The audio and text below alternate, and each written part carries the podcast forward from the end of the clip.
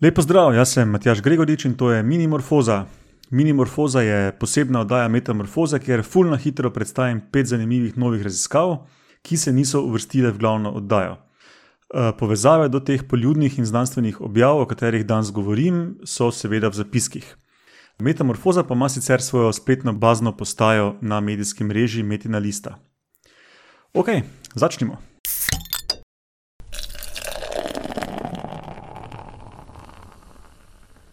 Raziskava ena.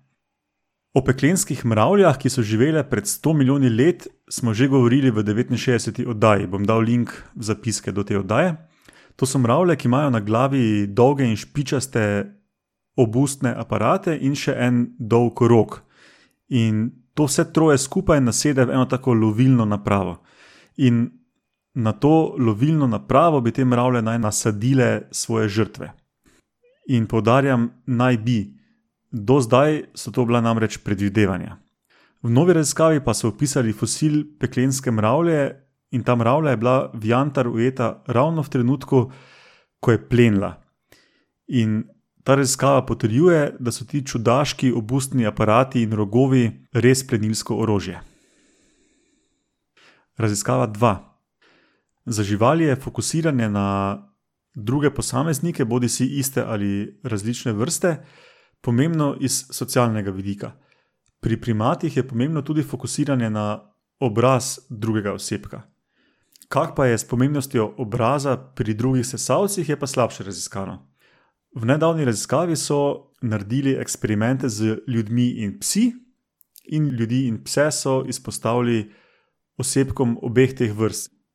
In primerjali so aktivnost različnih možganskih regij pri opazovanju teh osebkov.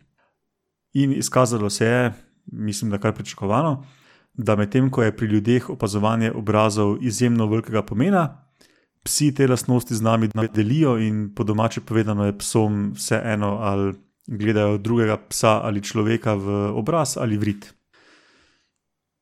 Raziskava 3. Mravlje so dobro znane po uporabi orodja. In ta uporaba orodja je dosti krat povezana s hrano ali z vodo. V novi raziskavi so eksperimentirali, kako fleksibilne so mravlje pri uporabi orodja. In za eksperimente so uporabili mravlje, ki za to, da dobijo vodo, uporabijo orodje. In v tem primeru je to orodje pesek. Potem pa so eksperimentalno večali in manjšali nevarnost utopitve, in mravlje so improvizirale pri tej uporabi peska in prilagodile način, na katerega so, so ta pesek uporabljale, tako da se niso utopile, da so zmanjšale možnost utopitve. Raziskava 4. Pri zaznavanju okolja je za živali pomembno, da natančno zaznavajo lastnost podlage, naprimer teksturo podlage. Tradicionalno so tako zaznavanje tipanja raziskovali pri rokah primatov, v resnici pa dosti živali živi v okoljih, kjer bi informacija o neki teksturi podlage, recimo, lahko bila fulj pomembna, je pa to sorazmerno neraziskano. In v novi raziskavi so ugotavljali zaznavanje podlage s prstnimi plavutmi pri ribah gobijih. Ugotovili so, da je pri teh ribah zaznava s tipanjem primerljiva z živalmi, ki so jih raziskovali do zdaj, naprimer s primati, se pravi, ribe s plavutmi fulj dobro tipajo. In raziskava pet.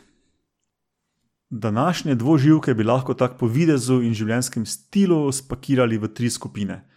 To so žabe in krastače, ki v glavnem skačejo, pa močeradi in pupki, ki hodijo s takimi kratkimi nogicami, in sleporili, ki so brez nog in so kot ene majhne kačice.